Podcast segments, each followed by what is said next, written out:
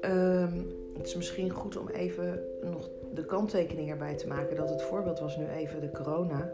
ehm, prik halen, dus vaccineren, niet vaccineren. Maar het geldt ook voor eh, vlees eten, geen vlees eten. Het geldt ook voor überhaupt voeding Mhm. of genotsmiddelen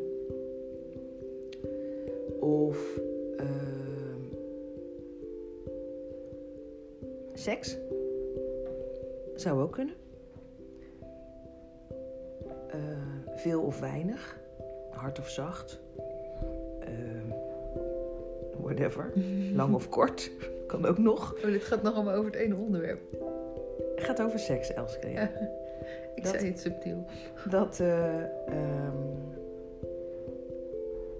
dat wat jouw frequentie verhoogt, jouw liefdesfrequentie, dus je ehm, geen, geen angst bezorgt in ieder geval.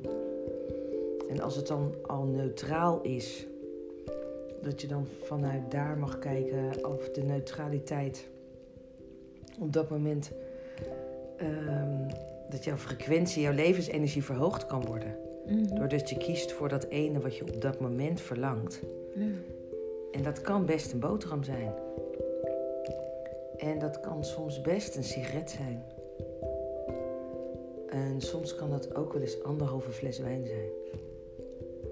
Maar als het, als het, als het een bewuste keuze is om het te doen en je ontvangt het met liefde, dan is aan dat voedingsmiddel of dat genotsmiddel is helemaal niks mis mee. Nee. Want het gaat over hoe we het ontvangen.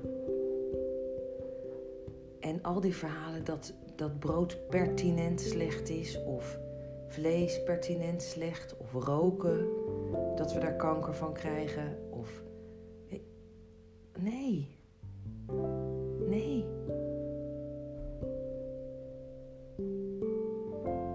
Het is maar net hoe je er naar kijkt en wat het met je doet.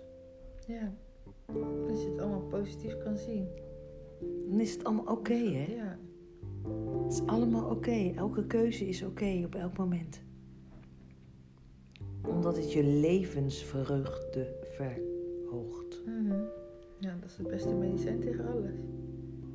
En dan gaat de frequentie omhoog en dan verspreidt de liefde zich vanzelf.